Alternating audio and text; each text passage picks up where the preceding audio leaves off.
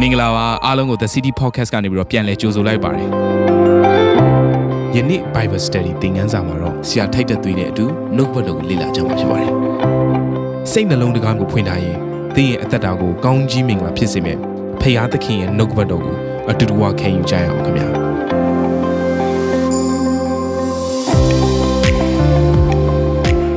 ဒီမှာမိသားစုတွေနဲ့တူနှုတ်ကပတ်တော်ဒုကလေးလာခံယူရမှာဖြစ်ကြောင်းဂျေဇောကိုချီးမွမ်းပါတယ်ဒီနေ့ကျွန်တော်တို့ဒုကလေးလာခံယူမဲ့နှုတ်ကပတ်တော်ကဖျားသခင်အတန်တော်ကိုကြားခြင်းဆိုတဲ့ခေါင်းစဉ်ဖြစ်ပါတယ်ဆိုတော့ဒီနှုတ်ကပတ်တော်ကကျွန်တော်တို့အတွက်တကယ်ပဲအရေးကြီးတာဖြစ်ပါတယ်ကျွန်တော်တို့အရှိရှိတွေမှာဝင်ငှခဲ့တဲ့နှုတ်ကပတ်တော်တွေရှိပါတယ်ဒီຢာတွေကိုမိတ်ဆွေအနေနဲ့သင်ခံယူလေးလာတိဆောက်ခဲ့တယ်ဆိုရင်ဒီနေ့ကျွန်တော်ထပ်ပြီးတော့မှဒီနေရာလေးမှာထပ်လောင်းပြီးသတိပေးခြင်းပါတယ် အဲ့ဒါကတော့အခုကျွန်တော်တို့လေ့လာနေတဲ့နှုတ်ကပတ်တော်တွေက information တက်တက်ပေါ့နော်သတင်းအချက်လက်တက်တက်အာကျန်းစာဘုဒ္ဓတာလေးရအောင်တက်တက်လောက်ပဲမဟုတ်ဘဲနဲ့ကျွန်တော်တို့ရဲ့ဝိညာဉ်ရေးအတက်တာကြီးထွားရင့်ကျက်ဖို့ရန်အတွက်အုတ်မြစ်ချတဲ့အုတ်မြစ်တွေဖြစ်တယ်ဆိုတာကိုနားလည်ခံယူပြီးတော့မှနားထောင်ရုံတက်တက်မဟုတ်ဘဲနဲ့လက်တွေ့လေ့ကျင့်ခံယူခြင်းရှောက်လန်းခြင်းအသုံးပြုခြင်းဆိုတဲ့အသက်တာကိုနားထောင်တဲ့မိသားစုများအနေနဲ့ခြေလန်းလှမ်းဖို့ အင်မတန်ပဲအရေးကြီးပါတယ်။နားထောင်တဲ့အချိန်တနာရီဆိုတနာရီ45မိနစ်ဆို45မိနစ်အချိန်လေးကတော့ခွန်အားရစရာအကြောင်းလေးဖြစ်ပေမဲ့သင်ကြားခဲ့ရတဲ့နှုတ်ကပတ်တော်ကိုလက်တွေ့လိုက်လျှောက်ခြင်းမရှိခဲ့ဘူးဆိုရင်တော့ကျွန်တော်တို့ကြားသမျှရာအလုံးကခဏတာလေးနဲ့ကွယ်ပြောက်သွားမှာဖြစ်ပြီးတော့မှကျွန်တော်ရဲ့ဝိညာဉ်အသက်တာကလည်းဒုံရင်ကဒုံရင်ပဲတိုးတက်လာခြင်းရှိမဲ့အသက်တာမျိုးဟုတ်မှာမဟုတ်ပါဘူး။ဒါကြောင့်ချစ်ရတဲ့ညီကူမောင်တို့များဒီနေ့ဒီသင်ခန်းဆောင်နားထောင်တဲ့အခါမှာအချက်တိုင်းအချက်တိုင်းမှာနှုတ်ကပတ်တော်ခံယူနေတယ်ဆိုတာလောက်ပဲမဟုတ်တော့ဘဲနဲ့ ဖျားသခင်နဲ့ယဉ်ကျေးကျွမ်းဝင်ခြင်းကိုငါတိဆောက်နေတယ်။တာ၍တိုးတက်ဖို့ရန်လုံကငါတက်တာကိုပြင်ဆင်ခြင်းနဲ့ဆိုတော့စာငံသောနှလုံးသားနဲ့ဒီနေ့နှုတ်ကပတ်တော်ခံရအောင်ကျွန်တော်တို့ယုံကြည်သူဖြစ်နေပြောင်းလဲလာတဲ့အချိန်ကာလမှာဘုရားသခင်အတန်တော်ကြားခြင်းဆိုတဲ့ဒီ subject ကိုဒီအကြောင်းအရာကိုအသင်းတော်တိုင်းကဆရာတွေတိုင်းက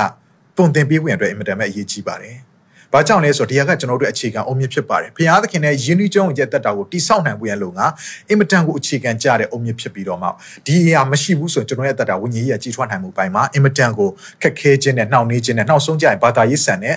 ခရိယံအသက်တာကိုပဲရသွားမှာဖြစ်ပါတယ်တကယ်တော့ခရိယံအသက်တာဆိုတာကဘာသာရေးဆန်ဆန်သွားတဲ့အသက်တာမဟုတ်ဘဲနဲ့ယဉ်ကျေးကျွန်းဝင်ခြင်းပေါ်မှာတိဆောက်ထားတဲ့အသက်တာဖြစ်တဲ့အတွက်ကြောင့် ယင်းဒီကြောင်းဝင်ခြင်းဆိုတဲ့အခါမှာစကားပြောရတာဖြစ်တယ်မိသားရဖွဲ့တာဖြစ်တယ်ဖခင်ရဲ့အတန်ကိုနားထောင်ရတဲ့အရာဖခင်ကိုစကားပြောရတဲ့အရာတွေပါဝင်လာတော့ကြောင့်ဖခင်ရဲ့အတန်တော်ကြားခြင်းဆိုတဲ့ဒီနှုတ်ကပတ်တော်ကိုတေချာကကနာနာနားမလည်ထားဘူးဆိုရင်ကျွန်တော်တို့ရဲ့ဝိညာဉ်ရဲ့ကြီးထွားခြင်းကတော်တော်လေးကိုနှောင့်နှေးနေပါကြံ့ကြာနေမှာပဲဖြစ်ပါတယ်ဒါကြောင့်ဒီနေ့မှာဒီနှုတ်ကပတ်တော်ကိုကျွန်တော်အနေနဲ့ဒီမှာလဲသင်ကြားရတော့ကြောင့်အရန်ပဲဝမ်းသာတယ်အရန်ပဲကုန်ယူအရန်လည်းပဲစိတ်လှုပ်ရှားတယ်ဘာကြောင့်လဲဆိုတော့ဖခင်သခင်ရဲ့အတန်တော်ကြားခြင်းဆိုတဲ့အရာကတော်တော်လေးကိုနည်းနည်းပါတယ် နောက်ပြီးတော့ဒီဟာကိုသင်မယ်ဆိုရင်ကျွန်တော်အနေနဲ့ module 1 2 3ပေါ့နော်သင်လို့ရတဲ့အနေအထားမျိုးဖြစ်ပါတယ်ကျွန်တော်မှာသင်ခန်းစာတွေပြင်ဆင်ထားတာရှိပါတယ်ဒါ module 1ထဲမှာတော့မှသူက နော်ခေါင်းစဉ်တွေအများကြီးရှိပါတယ်ဒီနေ့မှာတော့ကျွန်တော်တို့ဒီနေ့လေ့လာမယ့်အကြောင်းအရာကတော့ introduction သဘောမျိုးပေါ့ introduction ဆိုပေမဲ့လည်းကျွန်တော်တို့ရဲ့အသက်တာထဲမှာနော်ဖျားသခင်အတန်တော်ကြားခြင်းတွေအရေးကြီးတဲ့အုတ်မြစ်တွေဖြစ်ပါတယ်ဒါကြောင့်ဒီနေ့သင်ခန်းစာပြီးတဲ့နောက်မှာနောက်ထပ်အပိုင်းနှစ်အပိုင်းသုံးတွေမှာတာ၍နစ်နဲ့နစ်နဲ့ဖျားအတန်ကိုကျွန်တော်ဘယ်လိုကြားကြမလဲကျွန်တော်ရဲ့အသက်တာထဲမှာဘာတွေကဖျားအတန်ကိုကြားပွင့်ရလို့ကစီးတားနေတယ်လေအဲ့ဒါတွေကိုကျွန်တော်တို့ကဘယ်လိုကြော်လွှား အောင်မြင်မလဲနောက်ပြီးဘုရားသခင်ကကျွန်တော်ရဲ့ဝိညာဉ်တက်တာထဲမှာအတန်တော်ကြားပွင့်ရလုံးက guideline လုပ်ပေးနေတဲ့နီးဥပဒေသား10မျိုးစသဖြင့်ပေါ့နော်အများကြီးကျွန်တော်တို့လေ့လာရမယ့်အရာတွေကြံပါသေးတယ်ဒီနေ့ကခီးစဉ်ကိုအစာပြုမယ်နေ့ဖြစ်တယ်ချစ်တော်ညီကိုပါတော်မှာများသင်အနေနဲ့စိတ်လှရှားစွာနဲ့ကျွန်တော်နဲ့အတူလိုက်ပါပြီးတော့မှ ဒီသင်ခန်းဆောင်အဆုံးထိတိုင်အောင်နားထောင်ပြီးစေလိုပါတယ်ဒီနေ့တပိုင်းလေးတာမဟုတ်ဘဲနဲ့နောက်ထပ်ပြောသွားမယ့်အပိုင်းဆက်တွေမှာလည်းထပ်ပြီးတော့မှအဆက်မပြတ်ပဲနဲ့လိုက်ပါနားထောင်စေချင်ပါတယ်အထူးသဖြင့်ဒီနေ့မှာတော့ကျွန်တော်အနေနဲ့ပြင်ဆင်ထားတဲ့ဗီဒီယိုကလစ်လေးလည်းရှိပါတယ်ဒါကိုတော့ဒီသင်ခန်းစာနောက်ဆုံးပိုင်းလေးမှာကျွန်တော်ပြပြီးတော့မှအတူတူကခွန်အားယူခွင့်ရဖြစ်ပါတယ်ဟုတ်ပြီအဲ့တော့ဒီနေ့နော်ကျွန်တော်တို့သင်ခန်းစာကိုစလိုက်အောင်နော်အဲ့တော့ဒီသင်ခန်းစာကိုမစခင်လေးမှာကျွန်တော်အနေနဲ့မေးခွန်းလေး၃ခုကိုမေးခြင်းနဲ့အဲ့မေးခွန်းလေး၃ခုကိုကျွန်တော်တို့အတူကကြည့်ပြီးတော့မှဖြည့်ကြည့်ရအောင်နော် ကဲကျွန်တော်ဒီမေကွန်းလေးသုံးခုကိုဒီနေရာမှာတူကဖက်ကြည့်အောင်ယခုခေတ်ကာလမှာဖယားသခင်ကအမှန်တကယ်ပင် စကားပြောနေသေးရလားဟုတ်ပြီဒါကတော့ပထမဆုံးမေကွန်းဖြစ်တယ်ဆိုတော့ဒီမေကွန်းလေးကိုကျွန်တော်တို့မဖြေခင်လေးမှာနောက်ထပ်မေကွန်းလေးတစ်ခုပါထပ်ပြီးကြည့်အောင်ဖယားသခင်ကပုဂ္ဂိုလ်တူးချင်းစီ personally စကားပြောသလားဟုတ်ပြီဖယားသခင်မှန်တကယ်စကားပြောသလားဖယားသခင်စကားပြောရဆိုရင်ရောပုဂ္ဂိုလ်တူးချင်းစီ personally စကားပြောသလား နောက်ဆုံးမိခွန်းလေးတစ်ခုကိုဆက်ပြီးဖတ်ရအောင်အကယ်၍သူပြောတာကိုကျွန်ုပ်တို့နားဆွင့်ကြည့်ရင်ကျွန်ုပ်တို့သူ့ရဲ့ပြောတဲ့နီးဟန်တွေကိုရောနားလည်နိုင်ပါမလားဂျေဇုတော်ချီးမွမ်းစရာကောင်းတဲ့အရာကဒီမေခွန်းသုံးခုစလုံးရဲ့အဖြေက yes ဟုတ်ပါတယ်ဆိုတဲ့အဖြေပဲဖြစ်ပါတယ်ဖျားသခင်အမှန်တကယ်ကျွန်တော်ရဲ့အသက်တာထဲမှာစကားပြောနေပါတယ်ဖျားသခင်ကတွေ့ဝိုက်ပြီးတော့အုပ်စုလိုက်ပေါ်မှာတော်လကောင်းအထူးခွဲခတ်မှတ်သားထားတဲ့ ခေါင်းဆောင်တွေကနေတဆင့်တော်လကောင်းစကားပြောနိုင်တယ်လို့ personally တင့်ရတတ်တာအတွက်တိတိကျကျတိတိကျကျတူးချင်းစီကိုလည်းစကားပြောနေတော့ဖျားဖြစ်ပါတယ်နောက်ဆုံးကတော့ဘုရားသခင်စကားပြောတဲ့အရာကိုကျွန်တော်တို့နားထောင်မယ်ဆိုရင်နားဆွင့်ကြည့်မယ်ဆိုရင်ကြားမယ်ဆိုရင်တကယ်ပဲသူကကျွန်တော်တို့ကိုနားလည်နိုင်တဲ့နီးလန်းနဲ့ပဲစကားပြောနေတော့ဘုရားဖြစ်တယ်ဆိုတာကိုဝမ်းမြောက်စွာကျွန်တော်တို့သဘောပေါက်အောင်မှာဖြစ်ပါတယ်ချစ်တော်ညူမောင်မများ ကျွန်တော်ရဲ့အတ္တမှာဘုရားသခင်ကလေချစ်ချင်းမေတ္တာနဲ့စကားပြောနေတော့ဘုရားဖြစ်တယ်မေတ္တာထဲမှာစကားပြောနေတော့ဘုရားဖြစ်တယ်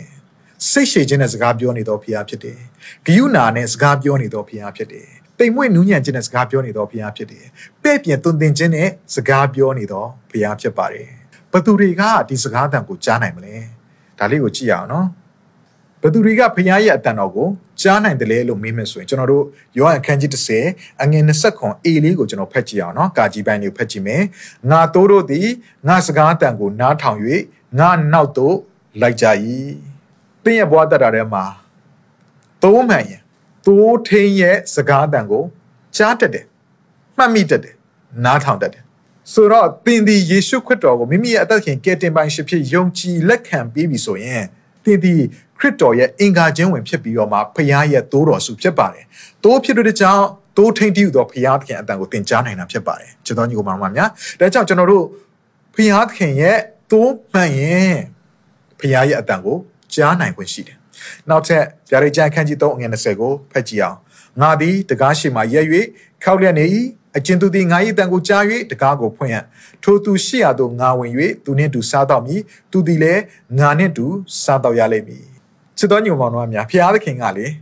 အမြဲတမ်းသင်ရဲ့နှလုံးသားတကားရှိမှလာပြီးခောက်နေတော့ဘုရားဖြစ်တယ်။ဘာကြောင့်လဲ။သူဒီအသက်ရှင်တော်ဘုရားဖြစ်တဲ့ကြောင့်တင်နဲ့ယဉ်ကျေးကျွမ်းဝင်ခြင်းကိုတိဆောက်ခြင်းတို့ကြောင့်နေ့ရက်တိုင်းမှာအချိန်တိုင်းမှာယခုမှပင်လင်တင်ဒီဗီဒီယိုလေးကိုချိနေတဲ့အချိန်မှာပင်လင်ဖခင်သခင်ကတည့်ရနှလုံးသားတစ်ကောက်လာခောက်နေငါသားငါသမီးမင်းနဲ့ငါအကျွမ်းဝင်မိသားဖွဲ့ခြင်းနဲ့ငါမင်းနဲ့စကားပြောခြင်းနဲ့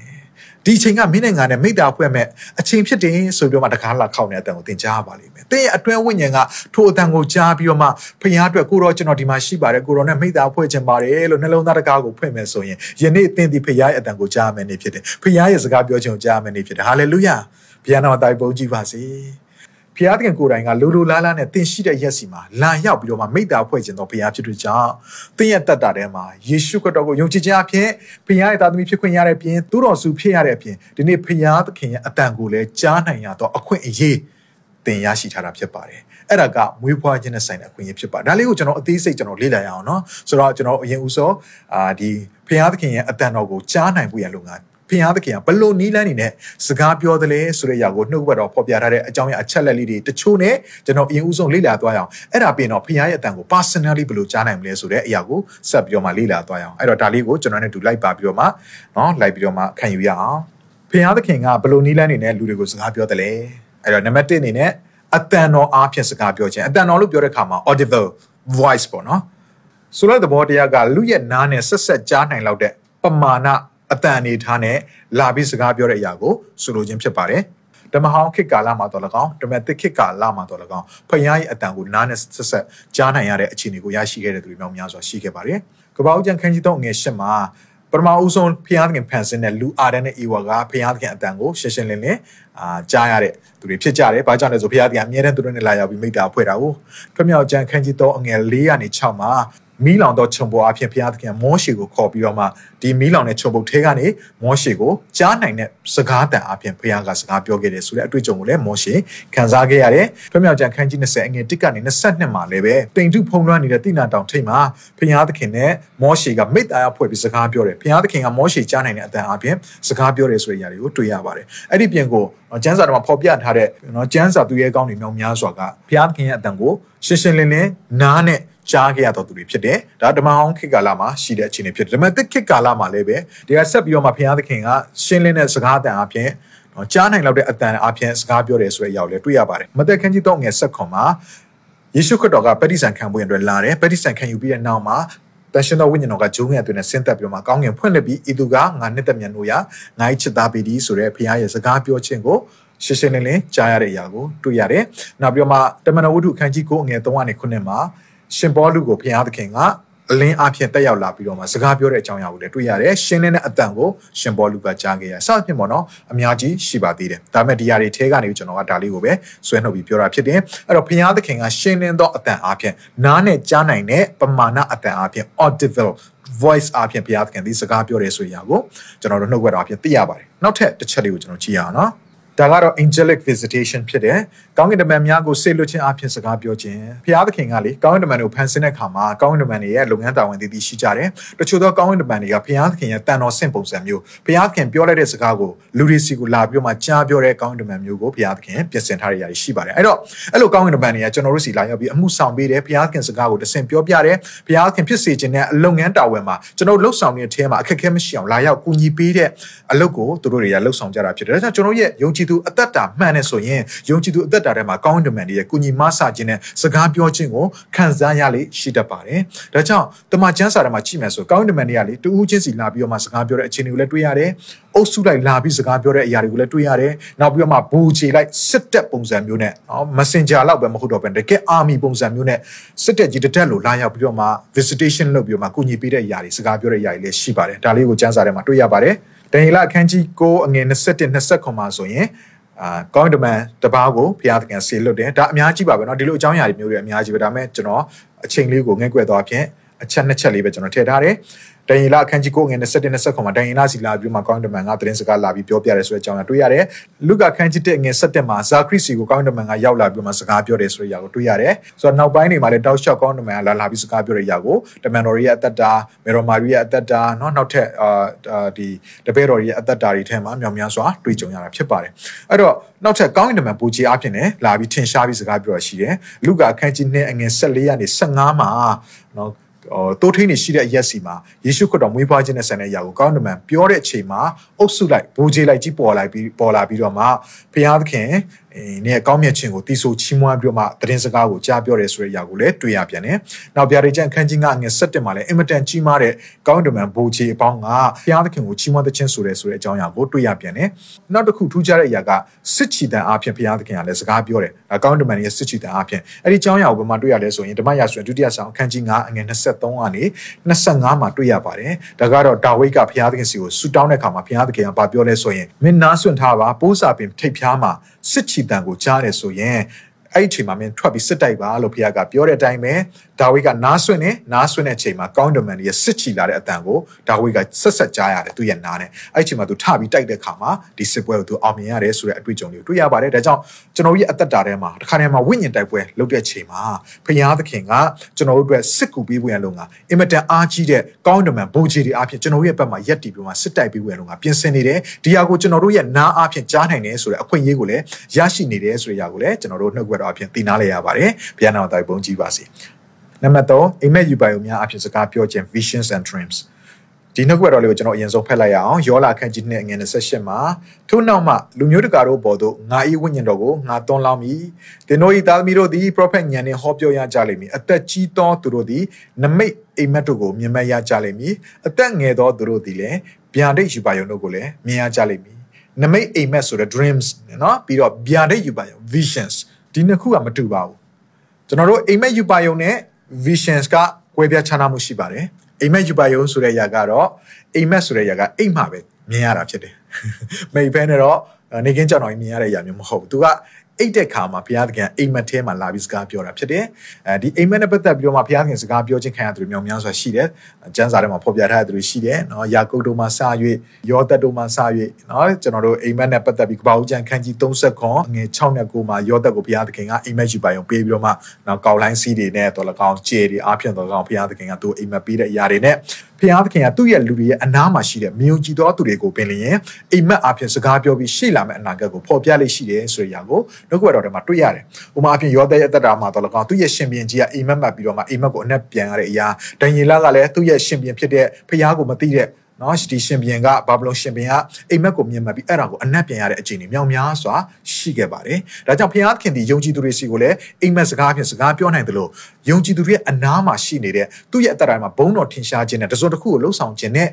မယုံကြည်သောသူတွေရဲ့အသက်တာထဲမှာလည်းဘုရားသခင်ကအိမ်မက်ယူပိုင်ကိုလည်းပေးနိုင်တယ်ဆိုရကိုတွေ့ရတယ်။ချစ်တော်ညုံမောင်နှမများမယုံကြည်သောသူတွေပြင်ပြင်အိမ်မက်ကိုရနိုင်တယ်ဆိုရင်ယုံကြည်သောတင်တဲ့ကျွန်တော်ကဘုရားသခင်စကားပြောမယ်အိမ်မက်ဘုရားသခင်ဖွင့်ပြမယ်အိမ်မက်ယူပိုင်ကိုတာ၍ရနိုင်သောသူတွေဖြစ်တယ်။ဟာလေလုယာ။ဘုရားနာမတော်ဘုန်းကြီးပါစေ။ဒါကြောင့်မိတ်ဆွေအနေနဲ့နော်နာဖျားသခင်ရဲ့ဖျားသခင်နဲ့မိတ္တရာဖွဲ့ပြီးတော့မှညဘက်အိယာဝင်ကာနီးမှာအမြဲတမ်းကိုတော့ကျွန်တော်ကိုစကားပြောပါဒီနေ့ညမှာအိမ်မက်အဖြစ်ကိုတော့စကားပြောပါဆိုပြီးတော့မှဖျားစီကိုနှလုံးသား ဖွင့်ပြီးတော့မှနားဆွင့်ပြီးတော့မှဖျားသခင်ရဲ့အတန်ကိုစောင့်မျှော်တက်မယ်ဆိုရင်သင်အိမ်မက်အိမ်သင်အိတ်တဲ့အခါမှာဖျားသခင်ကသင်အိမ်မက်ထဲထိလာပြီးတော့မှစကားပြောပြီးတော့မှဖွင့်ပြနိုင်တော့ဖျားဖြစ်တယ်ဆိုတဲ့အရာကိုကျွန်တော်ဒီနေရာကနေပြောချင်တယ်ကျွန်တော်ရဲ့ဘဝတရားထဲမှာထူးခြားတာကြီးအများကြီးရှိခဲ့တယ်เนาะကျွန်တော်တို့တကယ်အရေးကြီးတဲ့တန်ဖိုးရှိတဲ့နှုတ်ကပတ်တော်တချို့เนาะကျွန်တော်ဝင်ငှခဲ့တာတွေရှိပါတယ်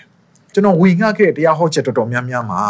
တချို့တရားဟောချက်တွေကကျွန်တော်တကယ်ကို မှတ်တမ်းတင်ထားတဲ့တရားဟောချက်တွေရှိတယ်ကျွန်တော်ဘယ်အချိန်မျိုးမှာဖြစ်ပြန်စဉ်းစားဆင်ခြင်အောင်မိတိုင်းမှာကျွန်တော်အတွက်ခွန်အားရစေတဲ့နှုတ်ကပတ်တော်မျိုးဖြစ်တယ်။ဘာကြောင့်လဲဆိုတော့လေအဲ့ဒီနှုတ်ကပတ်တော်ကိုကျွန်တော်ကအိမ်မက်ထဲမှာရခဲ့တဲ့နှုတ်ကပတ်တော်တွေရှိတယ်။ ကျွန်တော်ဖတ်ခဲ့တဲ့ချမ်းစာပဲကျွန်တော်မေ့ထားခဲ့တာဒါပေမဲ့ကျွန်တော်အိတ်နေတဲ့ချိန်မှာလေဘုရားကလာပြီးအိမ်မက်ထဲမှာအဲ့ဒီနှုတ်ကပတ်တော်ရဲ့နဲ့နေတဲ့အရာတွေကိုဖွင့်ပြတယ်တစ်ချက်ပြီးတစ်ချက်တစ်ချက်ပြီးတစ်ချက်ဖွင့်ပြတဲ့အရာကျွန်တော်အိတ်ရကနိုးလာတဲ့ချိန်မှာမိမသွားပဲနဲ့အဲ့ဒါတွေအားလုံးကိုမှတ်မိနေတာအဲ့ဒါကနေတစ်ဆင့်ကျွန်တော်ပြန်ပြောမှတရားဟောချက်ကိုပြန်ပြုစုပြီးတော့နှုတ်ကပတ်တော်ဝင်ရတယ်ကျွန်တော်တို့တကယ်ပဲ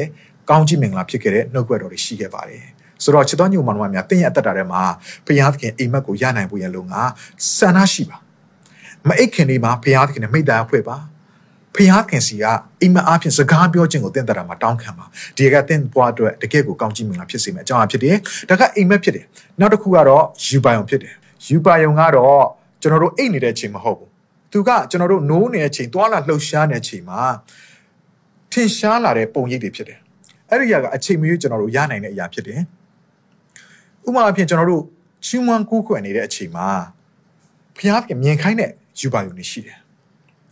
ဆရာမမေရီကျွန်တော်ရဲ့ဇနီးတဲ့ဆိုလဲသူတချင်းမရေးခင်လေးမှာဖျားသခင်နဲ့ဆူတောင်းတဲ့အချိန်မှာဖျားသခင်ကယူပါယုံတွေကိုမြင်ခိုင်းတယ်အဲ့ဒါနေမှသူအဲ့ယူပါယုံကိုချရေးရင်းနဲ့မှဖျားကတန်စင်တွေပါထည့်ပေးရင်းနဲ့မှတချင်းဆိုတဲ့အရာတွေဖြစ်ပေါ်လာတယ်ဆိုတော့ကျွန်တော်သွားလာလှုပ်ရှားနေရင်းနဲ့မှဥမာကားစီးနေရင်းနဲ့လည်းယူပါယုံမြင်ရတဲ့အရာတွေရှိတယ်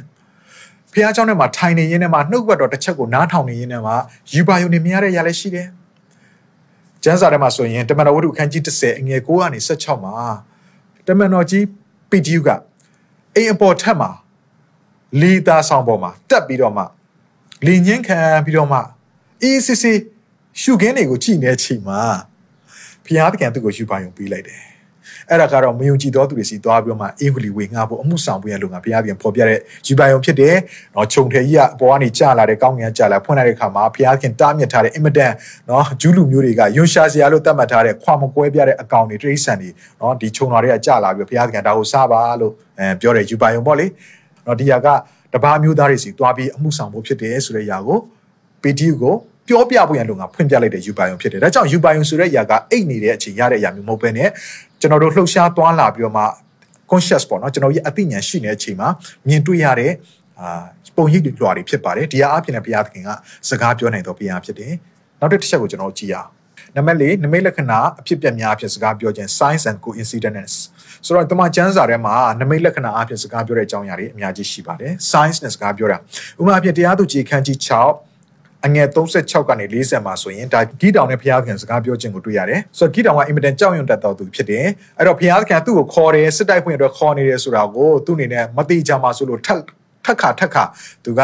နမိတ်လက္ခဏာကိုတောင်းတယ်အဲ့တော့နော်အားလုံးသိတဲ့အတိုင်းပဲသုံးမွေးကိုမြေပြင်မှာထားပြီးတော့မှသုံးမွေးကတော့ဆွဆွနေပြီးတော့မြေပြင်ကတော့6ပုံရအတွက်ဆူတောင်းတယ်ဘုရားသခင်အဲ့နမိတ်လက္ခဏာ ဖော်ပြပေးတယ်ဒီနမိတ်လက္ခဏာအဖြစ်သူ့ကိုခေါ်နေဆိုတာကိုဘုရားသခင်ပြပေးတယ်အဲ့တော့အဲ့ဒါကိုမကျင်တဲ့သူနောက်တစ်ရက်မှာဘုရားသခင်စီမှာဆက်တောင်းတယ်သုံးမွေးကတော့6ပြီးမြေပြင်ကတော့ဆူဆွဖို့ရတဲ့ဆူတောင်းတဲ့ခါဘုရားသခင်အဲ့ဒီຢာကိုပြုပေးပြန်တယ်ဆိုတော့ဘုရားသခင်ကလေကျွန်တော်ရဲ့ဘဝတက်တာထဲမှာနမိတ်လက္ခဏာတွေကိုဖြစ်ဖြစ်စေခြင်းအဖြစ်ဘုရားသခင်စကားပြောတဲ့အရာတွေရှိပါတယ်ဘုရားသခင်ကလေကျွန်တော်တို့ကိုနမိတ်လက္ခဏာအသုံးပြုပြီးစကားပြောတဲ့အခါမှာသူဒီကျွန်တော်ရဲ့အပြစ်နဲ့ဆိုင်တဲ့အရာတွေကိုတတိပေးခြင်းတဲ့အတွက်ကြောင့်နမိတ်လက္ခဏာပေါ်ပြပြီးတော့မှစကားပြောတယ်ဆိုတဲ့အရာကိုတွေ့ရတယ်ပြီးတော့ကျွန်တော်တို့ရဲ့ အာတူးချင်းစီတိုင်းနဲ့လှုပ်ဆောင်မဲ့လုပ်ငန်းတာဝန်သေချာမှုရှိစေဖို့ရလုံက confirmation ပေးတဲ့အနေနဲ့နမိတ်လက္ခဏာကိုပြပြီးတော့မှခိုင်းစီတဲ့စကားပြောတယ်ဆိုတဲ့အရာကိုကျွန်တော်ရတဲ့မှာတွေ့ရတယ်ပြီးတော့ကျွန်တော်ရဲ့အနာဂတ်နဲ့ဆက်ဆိုင်ရေးဘာတွေဖြစ်ပျက်လာမလဲဆိုတော့သိစီခြင်းတဲ့အတွက်ကြောင့်ဘုရားသခင်ဒီနမိတ်လက္ခဏာ signs and wonders တွေကိုပြပြီးတော့မှဘုရားသခင်ကျွန်တော်တို့စကားပြောတယ်ဆိုတဲ့အရာကိုတွေ့ရပါတယ်ဥပမာအဖြစ်ကျွန်တော်တို့ဒန်ယေလအခန်းကြီး9အငယ်1ကနေ9မှာဘာဘလုန်ရှင်ဘီယံဘာလရှေဇာမင်းကြီးကသူ့ရဲ့မူးမဲ့တထောင်ကျော်နဲ့မူးရတောက်စားပြီးတော့မှပွဲလုပ်တယ် အဲပွဲလုပ်တဲ့ခါမှာဣသရေလတိုင်းနိုင်ငံကသိမ်းယူလာတဲ့ဗိမ္မာန်တော်သုံးဆောင်ပစ္စည်းတွေကိုအဲ့ဒီခွက်ဖလားတွေကိုယူပြီးတော့မှစပြည့်ရထည့်ပြီးတောက်ဖို့ရန်လုံကပြင်ဆင်တယ်ပြောရင်တော့ဖျားအတွက်တီးတန့်ထားတဲ့ပြင်ဆင်ထားတဲ့ခွက်တွေကိုယူပြီးတော့မှတောက်စားမူရခြင်းနဲ့ပျော်ပါခြင်းပွဲထဲမှာယူသုံးတယ်ဖျားရဲ့ပစ္စည်းကိုမကောင်းတဲ့ထဲမှာယူပြီးသုံးတဲ့ဘာလာရှက်ဆာမင်းကြီးနဲ့သူ့ရဲ့မူးမက်တစ်ထောင်ကျော်ရှိမှာဘာဖြစ်ပျက်လာတယ်ဆိုရင် သူတို့မြင်နိုင်တဲ့နံရံကြီးပေါ်မှာထင်ရှားတဲ့လူလက်တစ်ချောင်းကပေါ်လာပြီးတော့မှနံရံပေါ်မှာစာရေးတယ်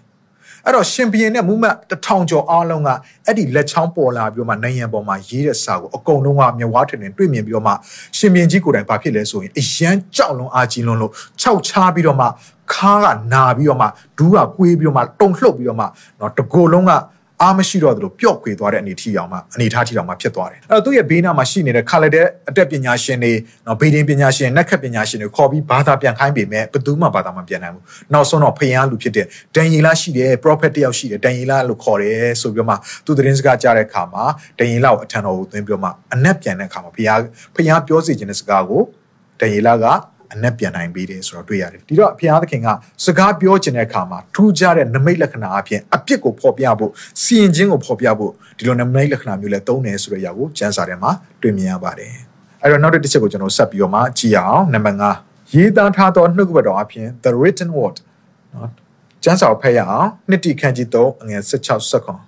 ထိုကျမ်းစာရှိသမျှသည်ဘုရားသခင်မှုတ်သွင်းတော်မူသောအဖြစ်ဖြစ်၍ဘုရားသခင်လူသည်စုံလင်သောသူကောင်းသောအမှုမျိုးမျိုးတို့ကိုပြုစုခြင်းအလို့ငါပြင်ဆင်သောသူဖြစ်မိကြောင်းဩဝါဒပေးခြင်းအဖြစ်ကိုဖော်ပြခြင်းဖြောင့်မတ်စွာပြုပြင်ခြင်းတရားကိုတုံသင်ခြင်းကျေးဇူးများကိုပြုတတ်၏ဘုရားသခင်ကယုံကြည်သူရဲ့အသက်တာထဲမှာကောင်းသောအမှုမျိုးမျိုးကိုပြုနိုင်ဝင်ရလို့ငါဘုရားသခင်ကလေရေးသားထားတဲ့တမန်ကျမ်းစာနှုတ်ထွက်တော်စကားအဖြစ်စကားပြောလို့ရှိပါတယ်အဲ့ဒီရောက်ကျွန်တော် logos written word လို့ကျွန်တော်ပြောလို့ရတယ်ဆိုတော့မောရှေကိုဘုရားခင်ပေးတဲ့ပြည့်ညတ်ဒီကျမ်း၅ကျမ်းကဒါဘုရားခင်ကဓာတ်ရိုက်မောရှေကိုပြောတဲ့စကားတွေကိုမှတ်တမ်းတင်ထားတဲ့စာဖြစ်တယ်ဆိုတော့ဒီဟာဒီဘုရားခင်စကားတော်ဖြစ်တယ်တိကျသေးကြတဲ့စကားတော်ဖြစ်တယ်ဥမာအဖြစ်မတရားသောမိထုံကိုမလုံရဘူးလို့ဘုရားကပြောထားတဲ့အရာကိုကိုတော့မတရားသောမိထုံပြုမပြုရဘူးလို့ကိုတော့ပြောတဲ့အရာတေချာဖို့ရလို့ကကျွန်တော်ကို signs and wonders လေးပေးပါအောင်နမိတ်လက္ခဏာတစ်ခုခုလောက်ပြပါဦးတောင်းစရာမလိုနော် ကိုတော့ကျွန်တော်အိမ်မက်ယူပါရုံအဖြစ်လေမတရားသောမိထုံမပြုတ်ရဘူးဆိုတဲ့အရာကိုတေချာဝင်ရလို့ကကျွန်တော်အိမ်မက်ယူပါအောင်ပေးပါအောင်ဘုရားခင်အဲ့လိုမျိုးဆိုပေးမှာမဟုတ်ဘာကြောင့်လဲသူကနှုတ်ကပတ်တော်ထဲမှာပြောထားပြီးသားဒါဘုရားရဲ့စကားဖြစ်တယ်ဘုရားရဲ့အချမ်းစီဖြစ်တယ်ဘုရားရဲ့အလိုတော်ဖြစ်တယ်ဒါကတော့ရှောင်ရမယ့်အရာဖြစ်တယ်ဒါကတော့လှုပ်ဆောင်ရမယ့်အရာဖြစ်တယ်ဆိုတော့တိတိကျကျတည်တည်ကျပြောထားပြီးသားဖြစ်ကြောင်းကျွန်တော်တို့ဘလောက်ပဲနမိတ်လက္ခဏာတောင်းတောင်းဘလောက်ပဲအိမ်မက်တွေတောင်းတောင်းဘုရားခင်ပေးမှာမဟုတ်ဘုရားကပြောထားပြီးသားဆိုတော့ရေးထားတဲ့ဒီနှုတ်ကပတ်တော်ဖြစ်ကျွန်တော်နားလေရတယ်ဘုရားခင်က တမန်တော်တွေအဖြစ်နှောက်ထက်ဓမ္မသစ်ကျမ်းစာဆောင်တွေကိုရေးစေပြီးတော့မှစုစုပေါင်း66ကျမ်းဒီတမန်ကျမ်းစာကကျွန်တော်တို့နားထောင်ရမယ့်ဘုရားသခင်ရဲ့စကားတော်တွေဖြစ်ပါတယ်။ဒါပေမဲ့အဲ့ဒီຢာတွေကနှောက်ထက်တစ်ဆင့်ဘုရားခင်စကားပြောတဲ့ຢာလည်းရှိပြန်နေအဲ့ဒါကနောက်နောက်ထက်တစ်ချက်မှကျွန်တော်တွေ့ရပါလိမ့်မယ်။အဲ့တော့နောက်တစ်ဆင့်ဘုရားသခင်ကဘယ်လိုစကားပြောလဲဆိုရင်နံပါတ်6မှာအသက်ရှင်သောနှုတ်ကပတ်တော်အဖြစ် the living word ဒီကကျတော့ written word မဟုတ်တော့ဘူး logos မဟုတ်တော့ဘူးသူက living word ပြောင်းသွားပြီ။ living word ကိုသူ့ရဲ့မူရင်းစကားလုံးမှာကြည့်တဲ့အခါမှာ rima လို့เนาะတွေ့ရပါတယ်အဲ rima ဆိုတဲ့စကားလုံးကဘယ်ထဲမှာတွေ့ရလဲဆိုယောမအခန်းကြီး30အငယ်7ခွန်မှာတွေ့ရတယ်တို့ဖြစ်၍ယုံကြည်ခြင်းသည်ကြားနာခြင်းအပြင်ဖြစ်၏ကြားနာခြင်းသည်လည်းဘုရားခင်စကားတော်အပြင်ဖြစ်၏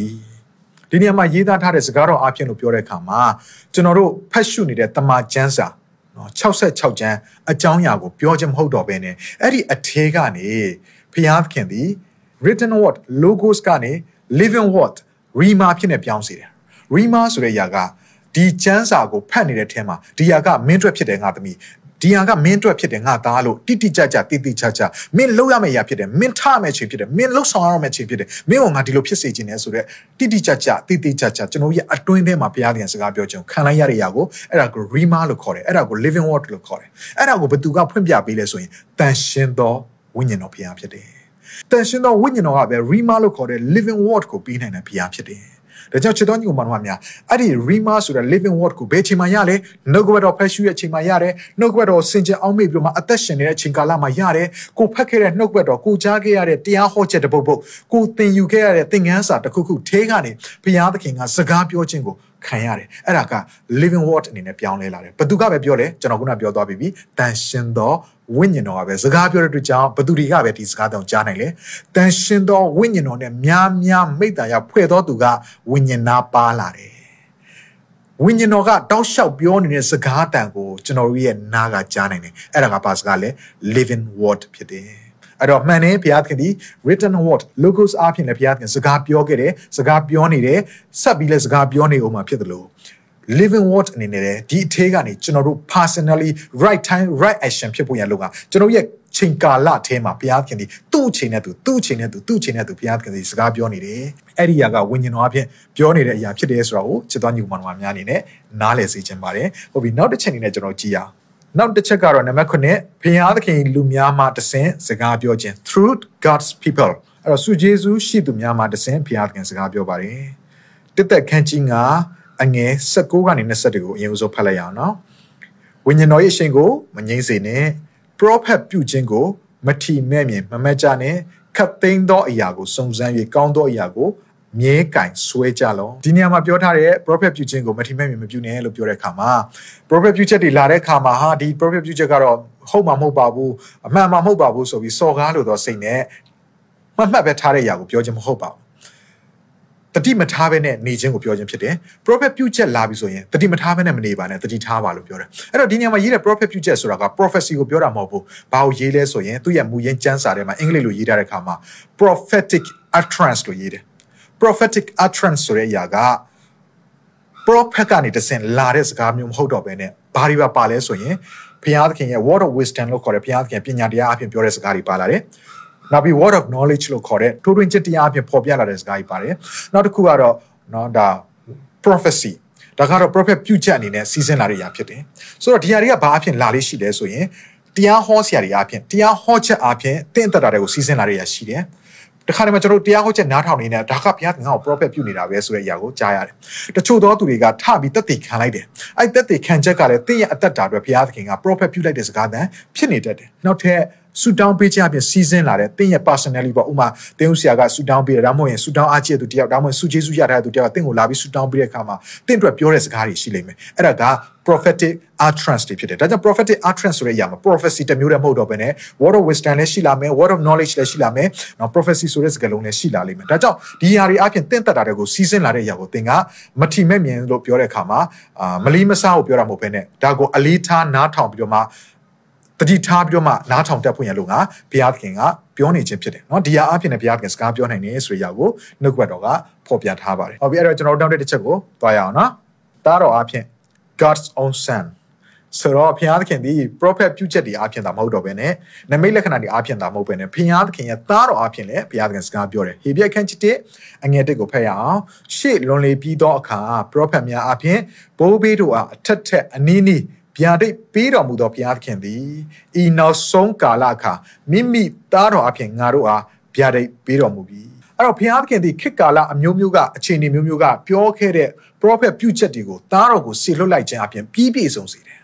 အဲ့လိုပဲနောင်လာမဲ့ခေတ်ကာလတွေအတွက်ရှေ့ဖြစ်လာမဲ့အခြေအနေတွေအတွက်အရာခတ်သိမ်းအတွက် ဖခင်ကသားတော်ထဲမှာအချုပ်ချတည်စေလိုက်တယ်။ဒါကြောင့်ယေရှုခရစ်တော်သည်ကျွန်တော်တို့အတွက် prophet ပြုချက်ဖြစ်တယ်။ယေရှုခရစ်တော်သည်ကျွန်တော်တို့အတွက်ဖခင်ပြောနေတဲ့စကားတော်ဖြစ်တယ်။ယေရှုခရစ်တော်ရဲ့အကြံစီယေရှုခရစ်တော်ဖြစ်စေခြင်းနဲ့စိတ်ဆန္ဒယေရှုခရစ်တော်ရဲ့အလိုတော်ယေရှုခရစ်တော်ရဲ့အသက်တာဒီဟာသည်ကျွန်တော်တို့အတွက်ဖခင်ပြောနေတဲ့စကားတွေဖြစ်တယ်။ဘာအတွက်လဲ။နောက်ခေတ်ကာလအတွက်ကျွန်တော်တို့ရဲ့ယခုမျက်မှောက်ကာလအတွက်ကျွန်တော်တို့ရဲ့တက်မလွန်ဘဝအတွက်ဖခင်ပြောနေတဲ့စကားပြောခြင်းတစ်ခုလည်းဖြစ်ပြန်နေ။ဒါကြောင့်သားတော်ယေရှုခရစ်တော်ဖြစ်ဖခင်သည်ကျွန်တော်တို့ကိုစကားပြောတယ်။ ဆိုတော့နောက်ထပ်နောက်ထပ်အချက်ကိုကြည့်ရအောင်နံပါတ်9ဖန်ဆင်းငံတရဝတဘာဝတရားများအပြင်ဘုရားသခင်ကျွန်တော်တို့စကားပြောပါတယ် through creations and nature ဆိုတော့စာလံကျမ်းခန်းကြီး7ကိုအငယ်1ကိုဖတ်ရအောင်မိုးကောင်းငင်သည်ဘုရားသခင်၏ဘုန်းတည်တော်ကိုကြားပြော၍မိုးမျက်နှာချက်သည်လက်တော်နှင့်လှုပ်သောအရာများကိုပြသ၏ဒါလေးကနောက်ဆုံးချက်ဖြစ်တယ်အဲ့တော့ဘုရားသခင်ကလေစကားပြောတဲ့အခါမှာလူတွေနမိတ်လက္ခဏာတွေ နောက်ကျမ်းစာတွေအားဖြင့်သာမကဘဲနဲ့သူဖန်ဆင်းထားတဲ့တဘာဝတရားအားဖြင့်လည်းအခြေအနေတွေအားဖြင့်လည်းစကားပြောတတ်တော်ဘုရားဖြစ်တယ်။ဒါကြောင့်ခုနကဖတ်သွားတဲ့မိုးကောင်းငင်မျက်နှာချက်နဲ့ဖန်ဆင်းခံတဲ့အခြေအနေတွေအားလုံးကဘုရားသခင်စကားတော်ကိုဘုရားသခင်အတန်ကိုကြားပြောနေတယ်ဆိုတော့တွေ့ရတယ်။ဒါကြောင့်ဒါဝိရဲ့အသက်တာထဲမှာ အဲ့ဒီတဘာဝဖန်ဆင်းထားတဲ့ဖန်ဆင်းခံတွေကိုကြည်ချင်းအဖြစ်အင်မတန်ဘုရားရဲ့စကားအတန်ကိုကြားတတ်တော်သူဖြစ်တယ်ဆိုတော့ကိုတွေ့ရတယ်။သူဒီထူးခြားတော်သူဖြစ်တယ်။သူဒီတောတောင်ရေမျိုးကြည့်တဲ့အခါမှာလည်းဘုရားသခင်ရဲ့စကားပြောခြင်းခံစားရတယ်။ငါ့ကိုမဆာခြင်းကြောင့်ဒီပေါ်ထွက်ရသောတောင်ရုပ်ငါမျှော်ကြည့်တယ်။ဒါပေမဲ့ကောင်းကင်ရဲ့မြေကြီးဖန်ဆင်းတော်မူတဲ့ထာဝရဘုရားထံတော်မှာငါ့ကိုမဆာခြင်းကြောင့်ဒီပေါ်ထွက်ရတယ်။ သမင်တရရေတောက်နေတဲ့ရောက်ဒါဝိကမြင်တဲ့အခါမှာလည်းပဲအော်ငါရဲ့ဝိညာဉ်ကရေစီးတဲ့ချောင်းကိုတောင်းတနေသမင်တရလိုပဲဖျားကိုစာငတ်နေတယ်တစ်ချိန်လုံးဖျားအတန်ကိုကြားတတ်တော်သူဖြစ်တယ်ဘာအဖြစ်လဲဖန်ဆင်းခံတဲ့တဘာဝတရားအခြေအနေအဖြစ်တိုးကိုမြင်နေမြင်လဲဖျားကိုသူမြင်တယ်သမင်တရကိုမြင်လဲဖျားကိုမြင်တယ်ဝဝံချင်းသေးကိုမြင်လဲဖျားသခင်ကိုမြင်တယ်ဒါကြောင့်ဖန်ဆင်းခံတဲ့တော်ဝါကြီးအခြေအနေအဖြစ်ဖျားသခင်စကားပြောတဲ့အရာကိုကျွန်တော်တို့ကြားလေးရှိတယ်။တော့ကျွန်တော်ရဲ့ဘဝတက်တာမှာလည်းအဲ့လိုအခြေအနေအများကြီးကြုံတာအဲ့ထဲကနေတခုလေးကျွန်တော်ပြောပြခြင်းတယ်တရက်တော့နော်ကျွန်တော်အပြင်ဘက်မှာကျွန်တော်တို့နော်အိမ်ရှိမှာဩဇာပင်ဒါပြည်မြို့ဝင်နေတော့ကျွန်တော်ရဲ့အိမ်ရှိမှာဩဇာပင်တွေရှိတယ်ဩဇာပင်တွေမှာဩဇာပြီးပြီးတော့တော်တော်လေးနော်ဒီအသီးကချိုးပါတယ်ကျွန်တော်တို့ရဲ့အပင်ကအဲ့တော့တရက်တော့ကျွန်တော်ကဒီအသီးဩဇာသီးတွေတီးလာတော့မှဲ့နေပြီမှဲ့ဖို့နီးလာပြီပေါ့နော်အာနောက်နေ့မနေ့ဖြန်ဆိုရင်မှဲ့တော့မယ်အဲ့တော့ကျွန်တော်ကဩဇာသီးအရင်ကြိုက်တဲ့သူဖြစ်တဲ့အခါကျတော့ကျွန်တော်မနေ့ဖြန်ကြရင်တော့တရားလေးကိုခူးပြီးတော့နော်ပင်မှဲ့လေးနေနဲ့စားမယ်ဆိုပြီးပြင်ဆင်တာနောက်နေ့မနေ့မိုးလဲမိုးလင်းလာတော့အဲ့ဒီဩဇာသီးကတချမ်းပဲကျွန်တော်တယ်ကျန်တဲ့တချမ်းငှက်စားသွားလို့ကုန်သွားပြီ ဆိုတော့ငှက်ကလာစားသွားတာချက်ချင်းပဲကျွန်တော်ကလေငါရန်ရန်စားကျင်တဲ့ဩဇာသီးလေးတော့သွားရှာပြီဆိုပြီးတော့မှစိတ်ညစ်တဲ့အချိန်မှာချက်ချင်းပဲဘုရားသခင်ကဒိန်းကနေကျွန်တော်ရဲ့အထက်မှာစကားပြောလာတယ်ဘုရားခင်ဖန်ဆင်းထားတဲ့ငှက်လေးတောင်မှသူမဆိုင်မပြိုးပဲနဲ့ကျွန်တော်ရဲ့အိမ်ရှိမှာပေါက်နေအသီးလေးကိုဘုရားသခင်လာစားစေခြင်းအပြင်ကျွေးမွေးတယ်ဆိုရင်ဘုရားခင်ဖန်ဆင်းထားတဲ့ကျွန်တော်ရဲ့တတဘာကိုစိုးရင်စရာရှိသလဲ ဖျားခင်ဒီစာငယ်လေးတစ်ကောင်တောင်တန်ဖိုးထားတယ်ဆိုရင်ငါသားမင်းကငါဒီထက်ပိုပြီးတန်ဖိုးထားတယ်လေမင်းကငါရဲ့ပုံတရံနဲ့အညီဖန်ဆင်းထားတော့သူဖြစ်တယ်လေမင်းကငါအရန်ချစ်ကြောင့်မင်းကငါကောက်ွယ်ပေးတယ်ငါစောင့်ရှောက်ပေးတယ်ငါထောက်ပံ့ပေးတယ်ဖျားဖြစ်တယ်လေဆိုတော့စကားတန်ကိုကြားတဲ့အခါအဲ့တော်တွဲမှာကျွန်တော်ကစိတ်ပူပန်နေတဲ့အချိန်ကာလကိုဖြတ်တန်းနေရတာလေချက်ချင်းပဲငြိမ်သက်ချင်းကျွန်တော်ရဲ့ထဲမှာကြီးမားစွာရောက်လာပြီးတော့အော်ငါစားခြင်းနဲ့ဩဇာသီးလေးကိုငှက်တကောင်ကိုလာကျွေးခြင်းအပြင်လာစားစေခြင်းအပြင်ဖျားခင်ငါ့ကိုအရန်ချစ်တယ်ဆိုရအောင်စကားပြောတယ် အဲ့ဒီနီလာအဖြစ်ဘုရားရဲ့အတန်ကိုကျွန်တော်ကြားခဲ့ရတဲ့အရာရှိတယ်ချစ်တော်ညီကောင်မောင်တို့ကများတင်းရဲ့ပတ်ဝန်းကျင်မှာဘုရားခင်စကားပြောနေရအများကြီးရှိပါတယ်နားဆွင့်ကြည့်ပါတင်းဘက်ကနားမဆွင့်လို့မကြားရတာနားဆွင့်ကြည့်ပါတင်းကိုဘုရားခင်စကားပြောနေတယ်ချစ်ချင်းမြတ်တာစကားတောင်တင်ကြားမှာဖြစ်ပါတယ်ဘုရားနောက်တိုင်းဘုန်းကြီးပါစေနောက်ထပ်တိတ်ဆန်နေအဖြစ်ဘုရားခင်စကားပြောရတဲ့ရှိတယ်အဲ့ဒါကိုကျွန်တော်ကျမ်းစာထဲမှာဖတ်ရအောင်ယောဘအခန်းကြီး7နဲ့ငယ်9နဲ့တားမျိုးနဲ့မိုးကောင်းကင်ငှက်တို့ကိုမေးမြန်းတော့သူတို့သည်ဟောပြောတွင်တင်ကြလိမ့်မည် နော်ဒီຢာကိုကျမ်းစာထဲမှာတွေ့ရပါတယ်ဒိဋ္ဌံတွေရဲ့နှုတ်ကိုဖွင့်ပြီးဘုရားသခင်စကားပြောတဲ့အရာတွေတွေ့ရတယ်ထင်ထင်ရှားရှားကျွန်တော်တို့ဘာလန်ပေါ့နော်ဘာလန်ရဲ့အသက်တာထဲမှာဘုရားသခင်မသွားစေခြင်းတဲ့လမ်းကိုသွားဖို့လုပ်တော့နော်သူ့ရဲ့မိကနှုတ်ကိုဖွင့်ပြီးမှစကားပြောလာတဲ့အရာကိုတွေ့ရတယ်ဒါကြောင့်ဘုရားခင်ဒီဒိဋ္ဌံတွေအရင်ကျွန်တော်တို့ဒူလွန်းရင်လေထုံလွန်းအလွန်းရင်ဘုရားစကားတောင်ညှင်းဆန်တော့ရင်နောက်ဆုံးဘုရားသခင်ကလေလူမဟုတ်ဘဲနဲ့ဒိဋ္ဌံတွေတောင်မှဘုရားသခင်စကားပြောတဲ့အချိန်တွေတော့ကြုံရတယ်ဆိုတော့ကိုတွေ့ရပါတယ်ကဲဟုတ်ပြီဒါကတော့ကျွန်တော်တို့ ဘုရားခင်ဘလို့နီးလန်းနေတဲ့စကားပြောလဲဆိုတဲ့အရာကိုလေ့လာသွားတဲ့အရာဖြစ်တယ်။ဒါကတင့်အတွက် information တက်တဲ့ပဲဖြစ်ကောင်းဖြစ်နေနိုင်သေးတယ်။ဒါပေမဲ့တချို့သောသူတွေကဒီထဲမှာအဖြေရသွားတဲ့သူတွေရှိအောင်ရှိမယ်။ဆက်ပြောသွားမယ့်အကြောင်းအရာတွေထဲမှာတင့်အနေနဲ့ဘုရားသခင်ရဲ့အတန်တော်ကိုဘလို့ကြားနိုင်မလဲ။ဘုရားသခင်ရဲ့တင်းရဲ့ကြားထဲမှာရှိနေတဲ့အတန်တော်ကိုကြားနိုင်ဖို့အစီအတားတွေကဘာဖြစ်တယ်။ဘုရားခင်တင်းရဲ့တက်တာထဲမှာအတန်ကြားနိုင်ဖို့ရလုံက guideline လုပ်ပေးနေတဲ့ နီလန်း10မျိုးကပါလဲဆိုတဲ့ຢာတွေကိုနောက်ထပ်အပိုင်းတွေမှာလေ့လာမှာဖြစ်ဒါပေမဲ့ဒီနေရာလေးမှာအဲ့ဒီຢာတွေကိုနားလည်နိုင်ဖို့ကျွန်တော်အုတ်မြစ်ချတဲ့ຢာလေးကိုပြောချင်တယ်အရန်ရေးကြည့်ပါတယ်တေချာလေးနားထောင်စီလို့တယ်ကျွန်တော်ရဲ့အသက်တာထဲမှာအရင်ဦးဆုံးတင့်အသက်တာထဲမှာမေးရမယ့်အကြောင်းအရာကပါလဲဆိုရင်ဖခင်ရဲ့အတန်ကိုငါတကယ်ကြားပွင့်ရအတွက်လိုအပ်လားတကယ်ကောကြားကျင်တဲ့စိတ်ဆန္ဒငါမှာရှိရလားအဲ့ဒါကအရန်ရေးကြည့်ပါတယ်ချစ်တော်မိတ်ဆွေအရင်ဦးဆုံးเนาะဒီဟာလေးကိုကျွန်တော်ဖတ်ကြည့်အောင် ဘုရားသခင်ရဲ့စကားပြောခြင်းကိုသင်အမှန်တကယ်လိုအပ်ရလားဒါအသင်ကိုသင်မေးရမယ့်အရာဖြစ်တယ်အဲ့တော့လိုအပ်လားမလိုအပ်ဘူးလားဆိုတော့ကျွန်တော်တို့အခုရေးထားတဲ့အချက်တွေနဲ့လေ့လာသွားရအောင်နံပါတ်1ဖန်ဆင်းခြင်းရဲ့ရလက်ဘုရားသခင်ကလူကိုဖန်ဆင်းတဲ့အခါမှာရည်ရွယ်ချက်နှစ်ချက်ရှိတယ်တစ်ခုကတော့ဘုရားသခင်နဲ့တူချစ်ချင်းမေတ္တာထဲမှာအကျွမ်းဝင်မိတ္တာရဖွဲ့ဖို့ဘုရားသခင်နဲ့ကိုးကွယ်ဖို့စကားပြောဖို့မိတ္တာဖွဲ့ဖို့လူကိုဖန်ဆင်းထားတာဖြစ်တယ်နောက်တစ်ခုကတော့ဘုရားသခင်ကလူကို ခိုင်းစီလိုတဲ့လှုပ်ဆောင်စီလိုတဲ့သူ့ရဲ့အမှုတော်တွေရှိတယ်အဲ့ဒါတွေပြီးစီးဖို့ရလုံကလူကနေတဆင့်လှုပ်ဆောင်စီလိုတဲ့အတွက်ကြောင့်ဘုရားသခင်ကလူကိုဖန်ဆင်းတာဖြစ်ဒါကြောင့်ပထမဦးဆုံးလူကိုဖန်ဆင်းခြင်းရဲ့ရလက်ကတော့သူနဲ့အတူအကျွမ်းဝင်မိသားဖွဲ့ဝင်လို့ငါဘုရားသခင်ဖန်ဆင်းထားတယ်ဆိုတော့ရည်ရွယ်ချက်အစစ်မှန်ကိုသိမှန်ဆိုရင်တင်းဒီဘုရားသခင်နဲ့မိသားဖွဲ့ဝင်အတွက်အရန်ရေးကြည့်တယ်ဆိုတာနားလည်ရမှာဖြစ်တယ်တချို့သောသူတွေကဘုရားသခင်ရဲ့စကားအတန်ကိုကြားတက်ခြင်းဆိုတဲ့ຢာကလေတကယ်ကိုအရန်ကိုဘုရားအတွက်စက္ကက်လုံးတဲ့သူတွေပဲကြားနိုင်မှာပါ အမှုတော်ဆောင်တွေပဲကြားနိုင်မှာပါသင်ရုပ်ဆရာတွေအတွက်ပဲဘုရားသခင်ပြင်ဆင်ထားတာပါလို့ထင်တတ်တယ်ငါကဘုရားသခင်စကားအတန်ကိုကြားဖို့မထိုက်တန်ဘူးငါတော့ဘုရားသခင်စကားအတန်ကိုဒီသက်ကြားနိုင်မှာမဟုတ်ဘူးဒါပေမဲ့သူတို့ကတော့ကြားနိုင်မှာပေါ့သူတို့ကတော့အမှုတော်ဆောင်တွေကိုလို့ခွဲခြားပြီးထင်တတ်တယ်မဟုတ်ပါဘူးဘုရားသခင်ကတူးတယောက်ချင်းစီတိုင်းကိုစကားပြောခြင်းနဲ့ဘုရားဖြစ်တယ်။ဘာကြောင့်လဲ။သင်ကသူဖြစ်ပွားစေတော်သူဖြစ်တယ်။ဒါလေးကိုစဉ်းစားကြည့်အောင်။မိခင်တယောက်ကသူ့ရဲ့ကလေးငယ်ကိုကိုဝင်ဆောင်တဲ့အခါမှာကလေးငယ်နဲ့မိခင်ကအတွင်းထဲမှာချိတ်ဆက်မှုရှိတယ်။မိခင်စီကနေရယူတဲ့ အာဟာရတွေအပြင်ဒီကလေးကကြီးထွားလာတဲ့အခါမှာကလေးရဲ့အုံနောက်အတွင်းထဲမှာပိုက်ထဲမှာနော်ဖွင့်ဖြိုးလာတာနဲ့အမျှသူကမိခင်ရဲ့ခံစားချက်မိခင်ရဲ့အတန်ကိုသူကနားလည်နေတယ်။မှတ်မိလာတယ်။မိခင်ဘယ်လိုခံစားနေသလဲ။မိခင်ရဲ့စကားတန်ကိုပြောလိုက်တဲ့အခါမှာသူကအထဲကနေကြားနိုင်တယ်ဆက်သွယ်မှုရှိတယ်သူတို့နှစ်ယောက်ကဆက်သွယ်မှုရှိတယ်ဘာကြောင့်လဲဒီမိခင်ရဲ့အထဲမှာသူကမွေးဖွားခြင်းကိုခံယူရတာဆိုတဲ့အခါမှာမိခင်နဲ့သူကချိတ်ဆက်နေတာ အတွင်းထဲမှာချိတ်ဆက်နေလို့ကြောင့်မိခင်ရဲ့ခံစားချက်ကိုသူနားလည်နိုင်တယ်မိခင်ရဲ့စကားတန်ကိုသူကြားတယ်အဲ့ဒီစကားတန်ကိုသူကြားရပြီဆိုရင်အတွင်းထဲမှာရှိနေတဲ့ကလေးကလေငြိမ်သက်ခြင်းကို security လို့ခေါ်တဲ့လုံခြုံစိတ်ချခြင်းကိုခံရတယ်ပြီးတော့ love ချစ်ချင်းမြတ်တာကိုခံစားရတယ်ဒီနှစ်မျိုးကိုခံစားပါတယ်မိခင်နဲ့ချိတ်ဆက်ထားသောကလေးငယ်သည်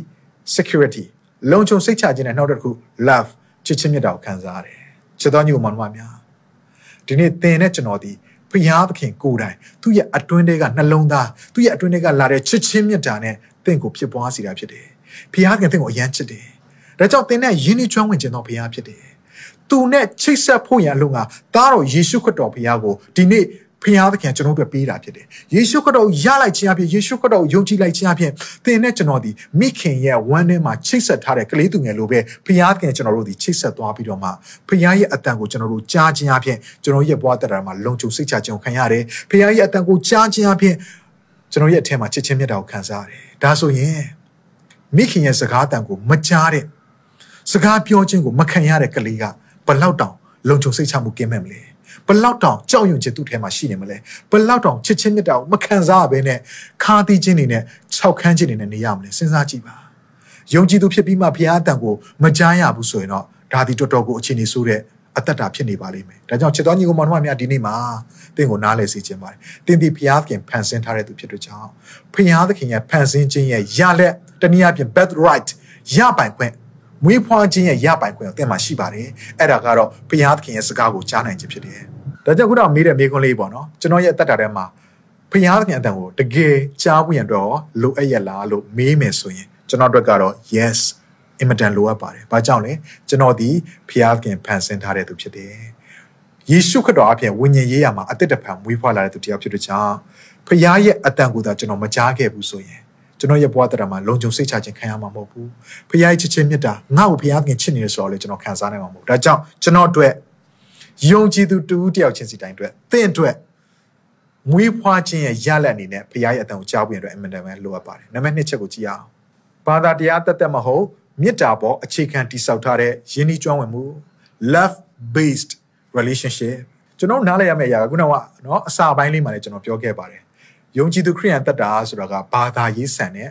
အသက်တာမဟုတ်ပါဘူး။ဘုရားသခင်တိုင်းတိုင်းလောက်ခိုင်းတယ်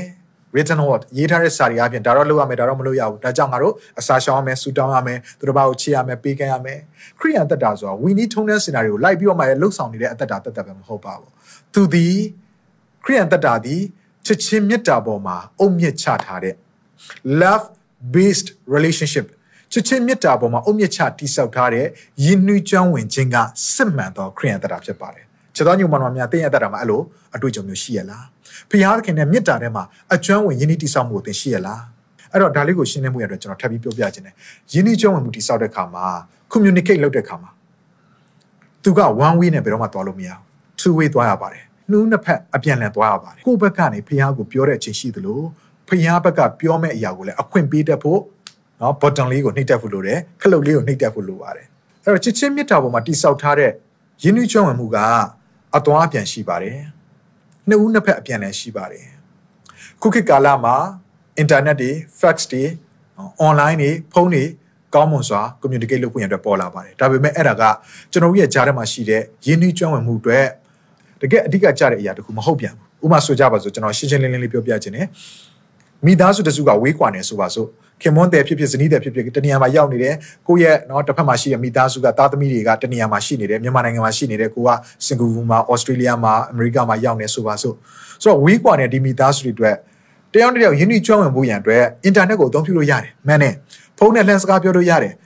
သို့တော်လည်းပဲသူတို့ရဲ့အတွင်းနှလုံးသားဆန္ဒထဲမှာဘာပဲရှိလဲသိလားပြန်ဆုံတွေ့ပြီးတော့မှတယောက်တယောက်မျက်ဝါးထင်နေပြန်ဆုံတွေ့ပြီးတော့မှတယောက်တယောက်ဖယံတယောက်တယောက်လက်တွဲတယောက်တယောက်ဆူတောင်းတယောက်တယောက်နန်းရှိုက်နော် မိဘလည်းကလေးငယ်ကိုပွေးဖဲပြီးတော့နန်းဆိုင်ရင်ကုန်ထဲမှာထားခြင်းတယ်ဇနီးမောင်နှံကလည်းနှစ်ဦးတူတူတကွအတူတကွဖြတ်တန်းခြင်းတဲ့ဘဝကိုဘယ်သူမှကင်းကွာနေတာမလို့ခြင်းဘူးအဲ့ဒါကိုတင်ကသွားပြီးတော့ဟာဘာတွေများအရေးကြီးလို့လဲနော် Facebook ရှိနေတာပဲ internet ရှိနေတာပဲဖုန်းပြောလို့ရတာပဲအရေးမကြီးပါဘူးလို့သွားပြောလို့မရဘူးစစ်မှန်သော relationship ကချစ်ချင်းမြတ်တာပေါ်မှာတိဆောက်ထားတာဖြစ်တဲ့ကြောင့်အဲ့ဒီချစ်ချင်းမြတ်တာလေးနှစ်ဦးကိုတနေရာထဲမှာပေါင်းစည်းခြင်းနဲ့အတွင်းထဲကပေါက်ဖွာလာတဲ့စိတ်ဆန္ဒဖြစ်တယ်ချစ်တော်ကြုံမှာမှများ ကျွန်တော်ဒီနေရာမှာအရေးတကြီးပြောပြချင်ပါတယ်အဲ့ဒါကတော့ဖျားသခင်ကလေတင့်ကိုနှုတ်ကပတ်တော်အားဖြင့်ပဲတွေ့ဝိုက်ပြီးတော့ပဲစကားမပြောချင်ဘူးလူတယောက်ရဲ့တရားဟောချက်တွေကိုနားထောင်ခြင်းအားဖြင့်ပဲစကားပြောချင်တာမဟုတ်ဘူး prophet ပြုချက်တရားနေတစ်ဆင့်မဲ့တင့်ကိုစကားပြောချင်တာမဟုတ်ဘူးအဲ့ဒါတွေက internet နဲ့တူတယ်အဲ့ဒါတွေက Facebook နဲ့တူတယ်အဲ့ဒါတွေကဖုန်း call တွေနဲ့တူတယ်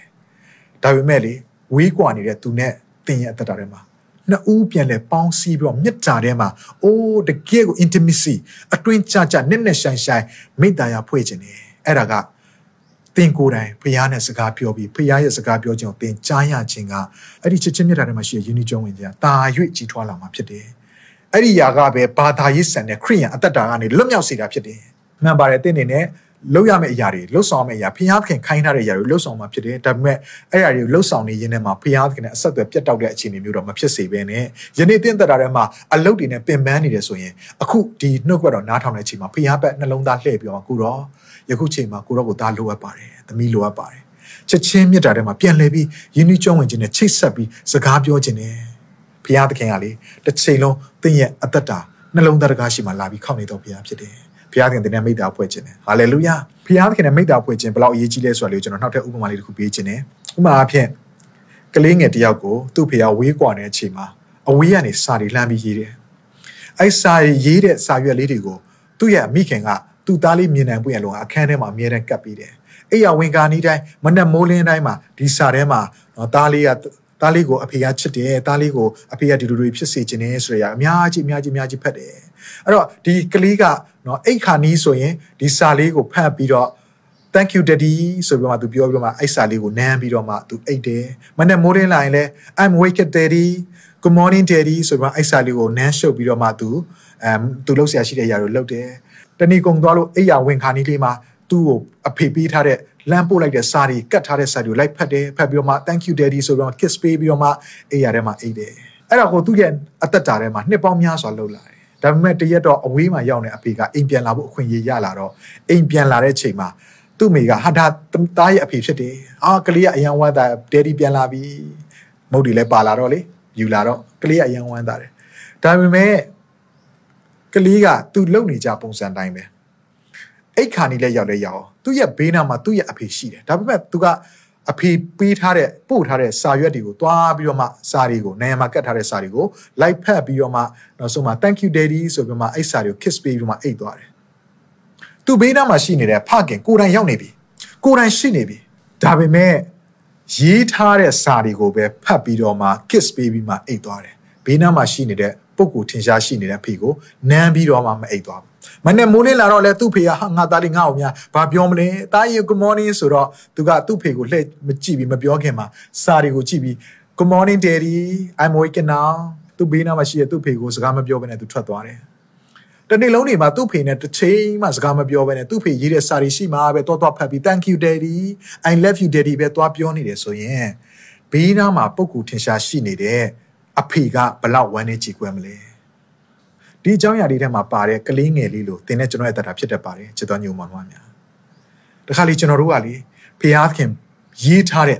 ပေါ်ပြထားတဲ့နှုတ်ကပတ်တော်တွေကိုဖတ်ပြီးတော့မှကျွန်တော်တို့ရဲ့အသက်တာကဖျားနဲ့အဆက်အသွယ်ပြတ်နေတဲ့အများကြီးရှိတယ်ဖျားခင်ပေါ်ပြထားတဲ့နှုတ်ကပတ်တော်ကိုနားထောင်နေပြီးတော့မှကြားနေပြီးတော့မှဖတ်နေပြီးတော့မှကိုရောကိုကျေးဇူးတင်တယ်လို့ပြောပြီးမဲ့ကျွန်တော်ရဲ့ဘေးနားမှာအမြဲတမ်းမိတ္တာအဖွဲ့ကိုစောင့်နေတဲ့ဖရာသခင်ကိုလစ်လူရှုတတ်တယ်ဒါကြောင့်ကျွန်တော်တို့ဒီနေ့မှာ အနီးနားမှာရှိနေတဲ့ဖရာသခင်တင့်ကိုစကားပြောခြင်းနဲ့ဖရာသခင်နဲ့မိတ္တာအဖွဲ့ကိုအကောင်းဆုံးချိန်ရယခုပင်ရောက်နေတယ်တခြားအရာတွေနဲ့စကားပြောဖို့သင်စောင့်နေဖို့မဟုတ်ဘဲနဲ့သင်အနားမှာရှိနေဖရာနဲ့စကားပြောဖို့မိတ်ဆွေတယောက်လိုစကားပြောဖို့သင်စပြီးခြေလန်းလန်းပါဒီဟာလေးကိုပို့ပြီးနားလည်ဖို့ရလို့ငါဒီကျမ်းပိုက်လေးနဲ့ကျွန်တော်ဆက်ပြီးစင်ကြအောင်မေ့စေလိုတယ်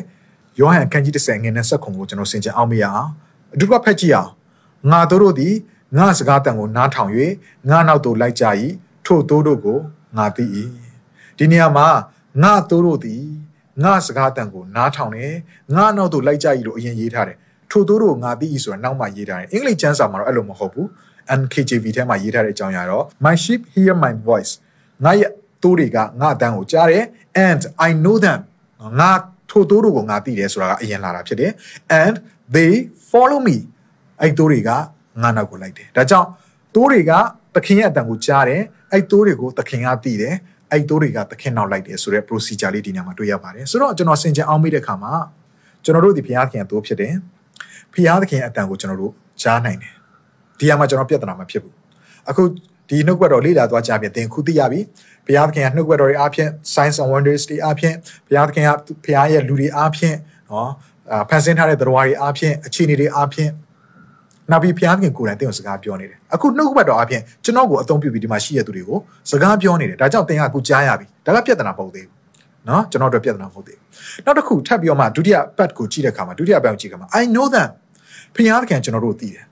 မှန်တာပေါ့သူကကျွန်တော်တို့အရင်ချစ်တာလေသူကကျွန်တော်တို့အရင်ချစ်လို့သူကကျွန်တော်တို့ကိုကယ်တင်ခြင်းလို့ဒီလောကကိုဆင်းကြွပြီးလာပြီးကယ်တင်ပေးတဲ့ဘုရားလေသူအရင်သိလို့ကျွန်တော်တို့ကသိရတာဒါကြောင့်တေချာပေါ့သူ့ဘက်ကတော့ကျွန်တော်တို့သိမှာပဲ ဒါပေမဲ့နောက်ထပ်တစ်ချက်ကတော့နည်းနည်းလေးဟာပြဿနာရှိလာပြီအဲ့ဒါကတော့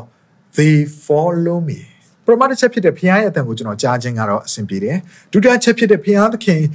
ငါ့ကိုသိတယ်ဆိုတဲ့အရာကိုကျွန်တော်အဆင်ပြေတယ်ဒါပေမဲ့တတိယချက်ဖြစ်တဲ့ဖျားသခင်နောက်ကိုလိုက်ဖို့ဆိုတဲ့အခါမှာကျွန်တော်ရဲ့ဆုံးဖြတ်ချက်လိုလာပြီ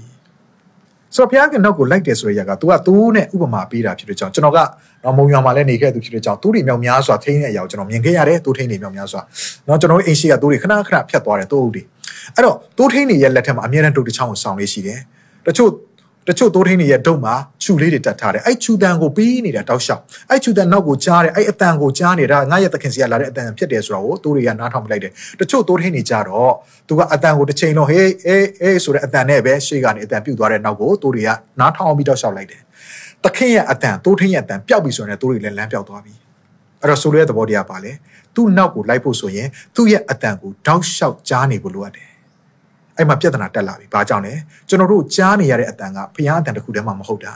။ကျွန်တော်တို့ရဲ့အသွေးသားတွေကလာတဲ့ဇာတိတက်မှတ်ခြင်းအတန်ကိုလည်းကျွန်တော်ကြားလိရှိတယ်။ဟုတ်ပြီနော်။ကျွန်တော်ရဲ့ပတ်ဝန်းကျင်မှာရှိနေတဲ့ကျွန်တော်ရဲ့ဘေးနားမှာရှိနေတဲ့လူတွေရဲ့ပြောနေတဲ့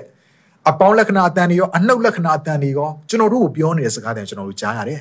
။နောက်ထပ်နတ်ဆိုးစီကလာတဲ့အတန်တွေကိုလည်းကြားရတယ် ကျွန်တော်ရဲ့ဘဝတက်တော်ဖြိုလဲဖို့ကြောက်ရွံ့စေဖို့ပြဿနာတွေကိုဖန်တီးပြီးတော့မှအဲ့ထဲကနေကျွန်တော်တို့ချင်းကပ်ပြီးချင်းချောက်နေတဲ့အတန်တွေကိုကျွန်တော်တို့ကြားရတယ်အဲ့ထဲကနေမှ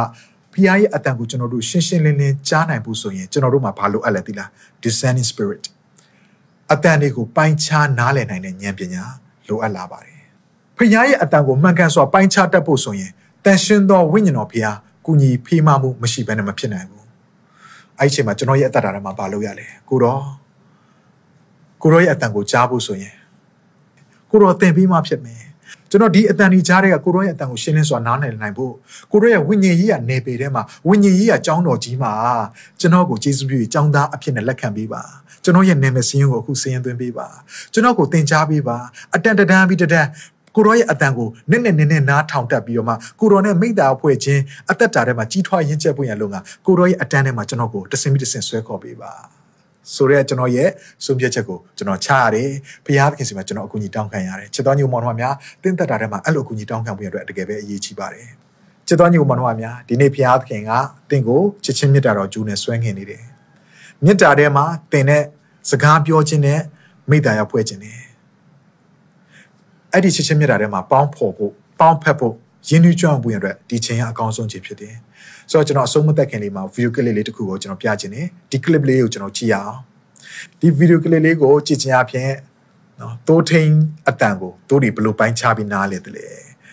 တိုးတွေကတိုးထင်းရဲ့အတန်ကိုကြားပြီဆိုရင်ဘယ်လိုမျိုးပြန်ပြီး react တုံ့ပြန်တယ်လဲဆိုရရလို့ကြည့်လိုက်ရအောင်နော်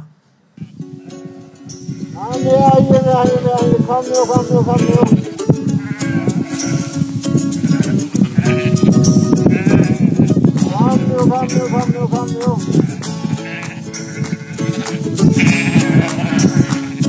này này này phong nhiều phong nhiều phong nhiều phong nhiều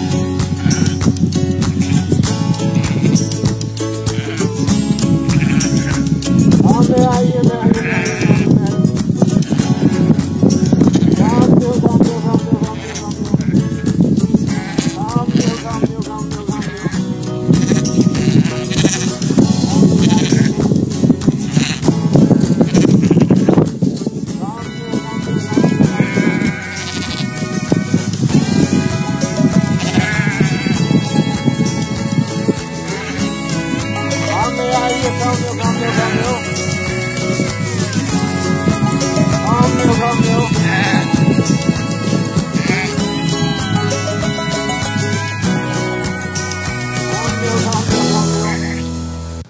ကဲအခုကြည့်သွားတဲ့ဗီဒီယိုကလေးလေးဘယ်လောက်တောင်ကြည်နူးစရာကောင်းလဲဝမ်းမြောက်စရာကောင်းလဲ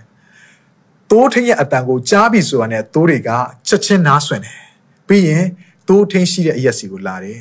တိုးထင်းနောက်ကိုထက်ချက်မကွာလိုက်တယ်တိုးထင်းဘာပြောမလဲအမြဲတမ်းနားဆွင်တယ် ဒါကြောင့်ချစ်တော်ညီကောင်မောင်တို့များတင်းတဲ့ကျွန်တော်ဒီဖရားရဲ့တိုးတော်စုဖြစ်တယ်ဖရားအရန်ချစ်တဲ့သားသမီးဖြစ်တဲ့ကြောင့်ကိုယ့်ရဲ့ကိုယ့်မိဘရဲ့စကားတန်ကိုနားထောင်ပြီးတော့မှကိုယ့်တိုးထင်းရဲ့စကားတန်ကိုနားထောင်ပြီးတော့မှဒီနေ့ဖရားခင်ရှောက်စီလိုတဲ့လမ်းထဲမှာထက်ချက်မကွာဖရားခင်နောက်ကိုလိုက်ပြီးရှောက်ပြရင်အတွက်အကောင်းဆုံးအချိန်ဖြစ်ပါတယ်ဒီနေ့လေ့လာသွားတဲ့သင်ခန်းစာအဖြစ်အရောက်ချင်းစီတိုင်းကောင်းကြီးခံစားမယ်လို့ယုံကြည်ပါတယ် information တက်တက်ပဲမဟုတ်ဘဲနဲ့တကယ်ပဲအတန်ကိုကြားနိုင်တော်သူတွေဖြစ်ဖို့ရလုံကဘုရားထူးကောင်းကြီးပေးပါစေအဲ့တော့အရေးကြီးတဲ့အရာကဒီနေ့ကပြောသွားတဲ့အကြောင်းအရာတွေက ကျွန်တော်တို့ introduction ပဲရှိပါသေးတယ်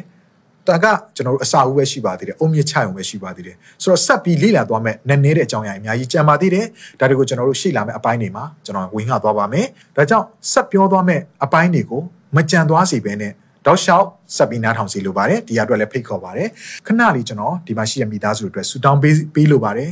အဖဘုရားသခင်ကိုရောရဲ့အတန်ကိုကျွန်ုပ်ကြားခြင်းပါတယ်